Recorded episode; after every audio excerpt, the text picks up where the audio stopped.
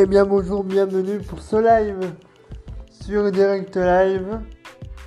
Euh, ce soir, on m'a beaucoup demandé de vous parler des vacances. Qu'est-ce que c'est les vacances? Les vacances, c'est quand on c'est quand on se repose. On a besoin de décompresser. Les vacances, c'est aussi pour se faire du bien.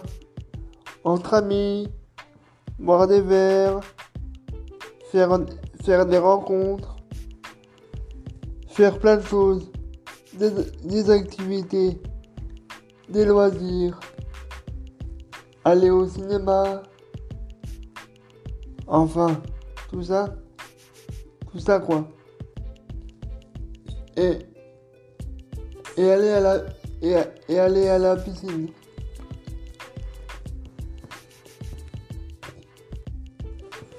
Mais les vacances, il n'y a pas que ça.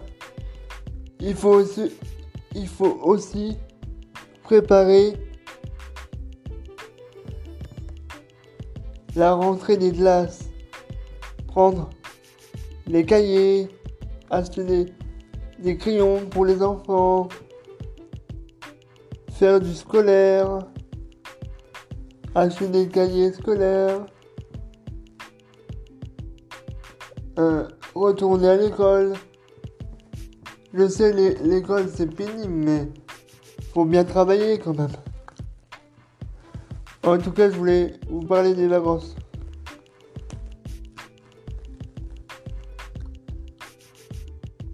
Et nous sommes le 24.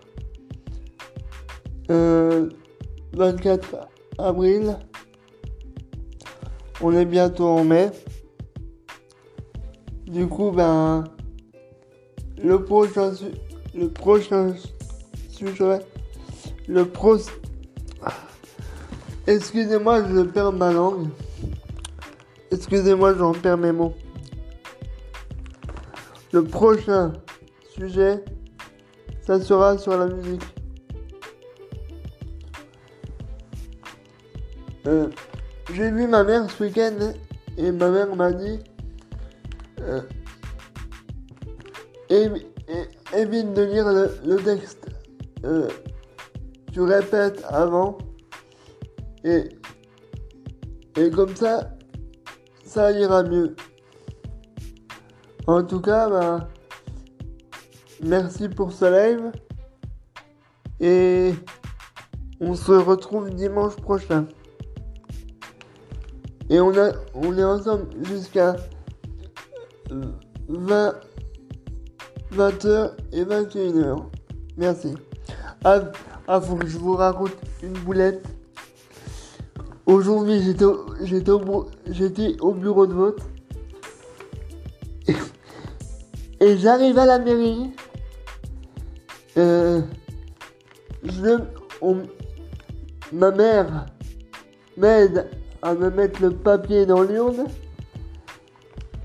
Je- vais dans les, je vais dans les. Et au bout d'un moment, j'arrive vers l'urne et je dis tout fort Ah ben, ah ben je vais voter Le Pen. Et ma mère me dit Faut pas dire ça, c'est secret. Ah oui, maman, c'est secret. Et moi, je lui réponds Ah bah, je savais, je savais pas. Je savais pas. Bah, elle me dit La prochaine fois, tu sauras. En tout cas, je vous souhaite une bonne soirée. Et à dimanche prochain pour un nouveau sujet.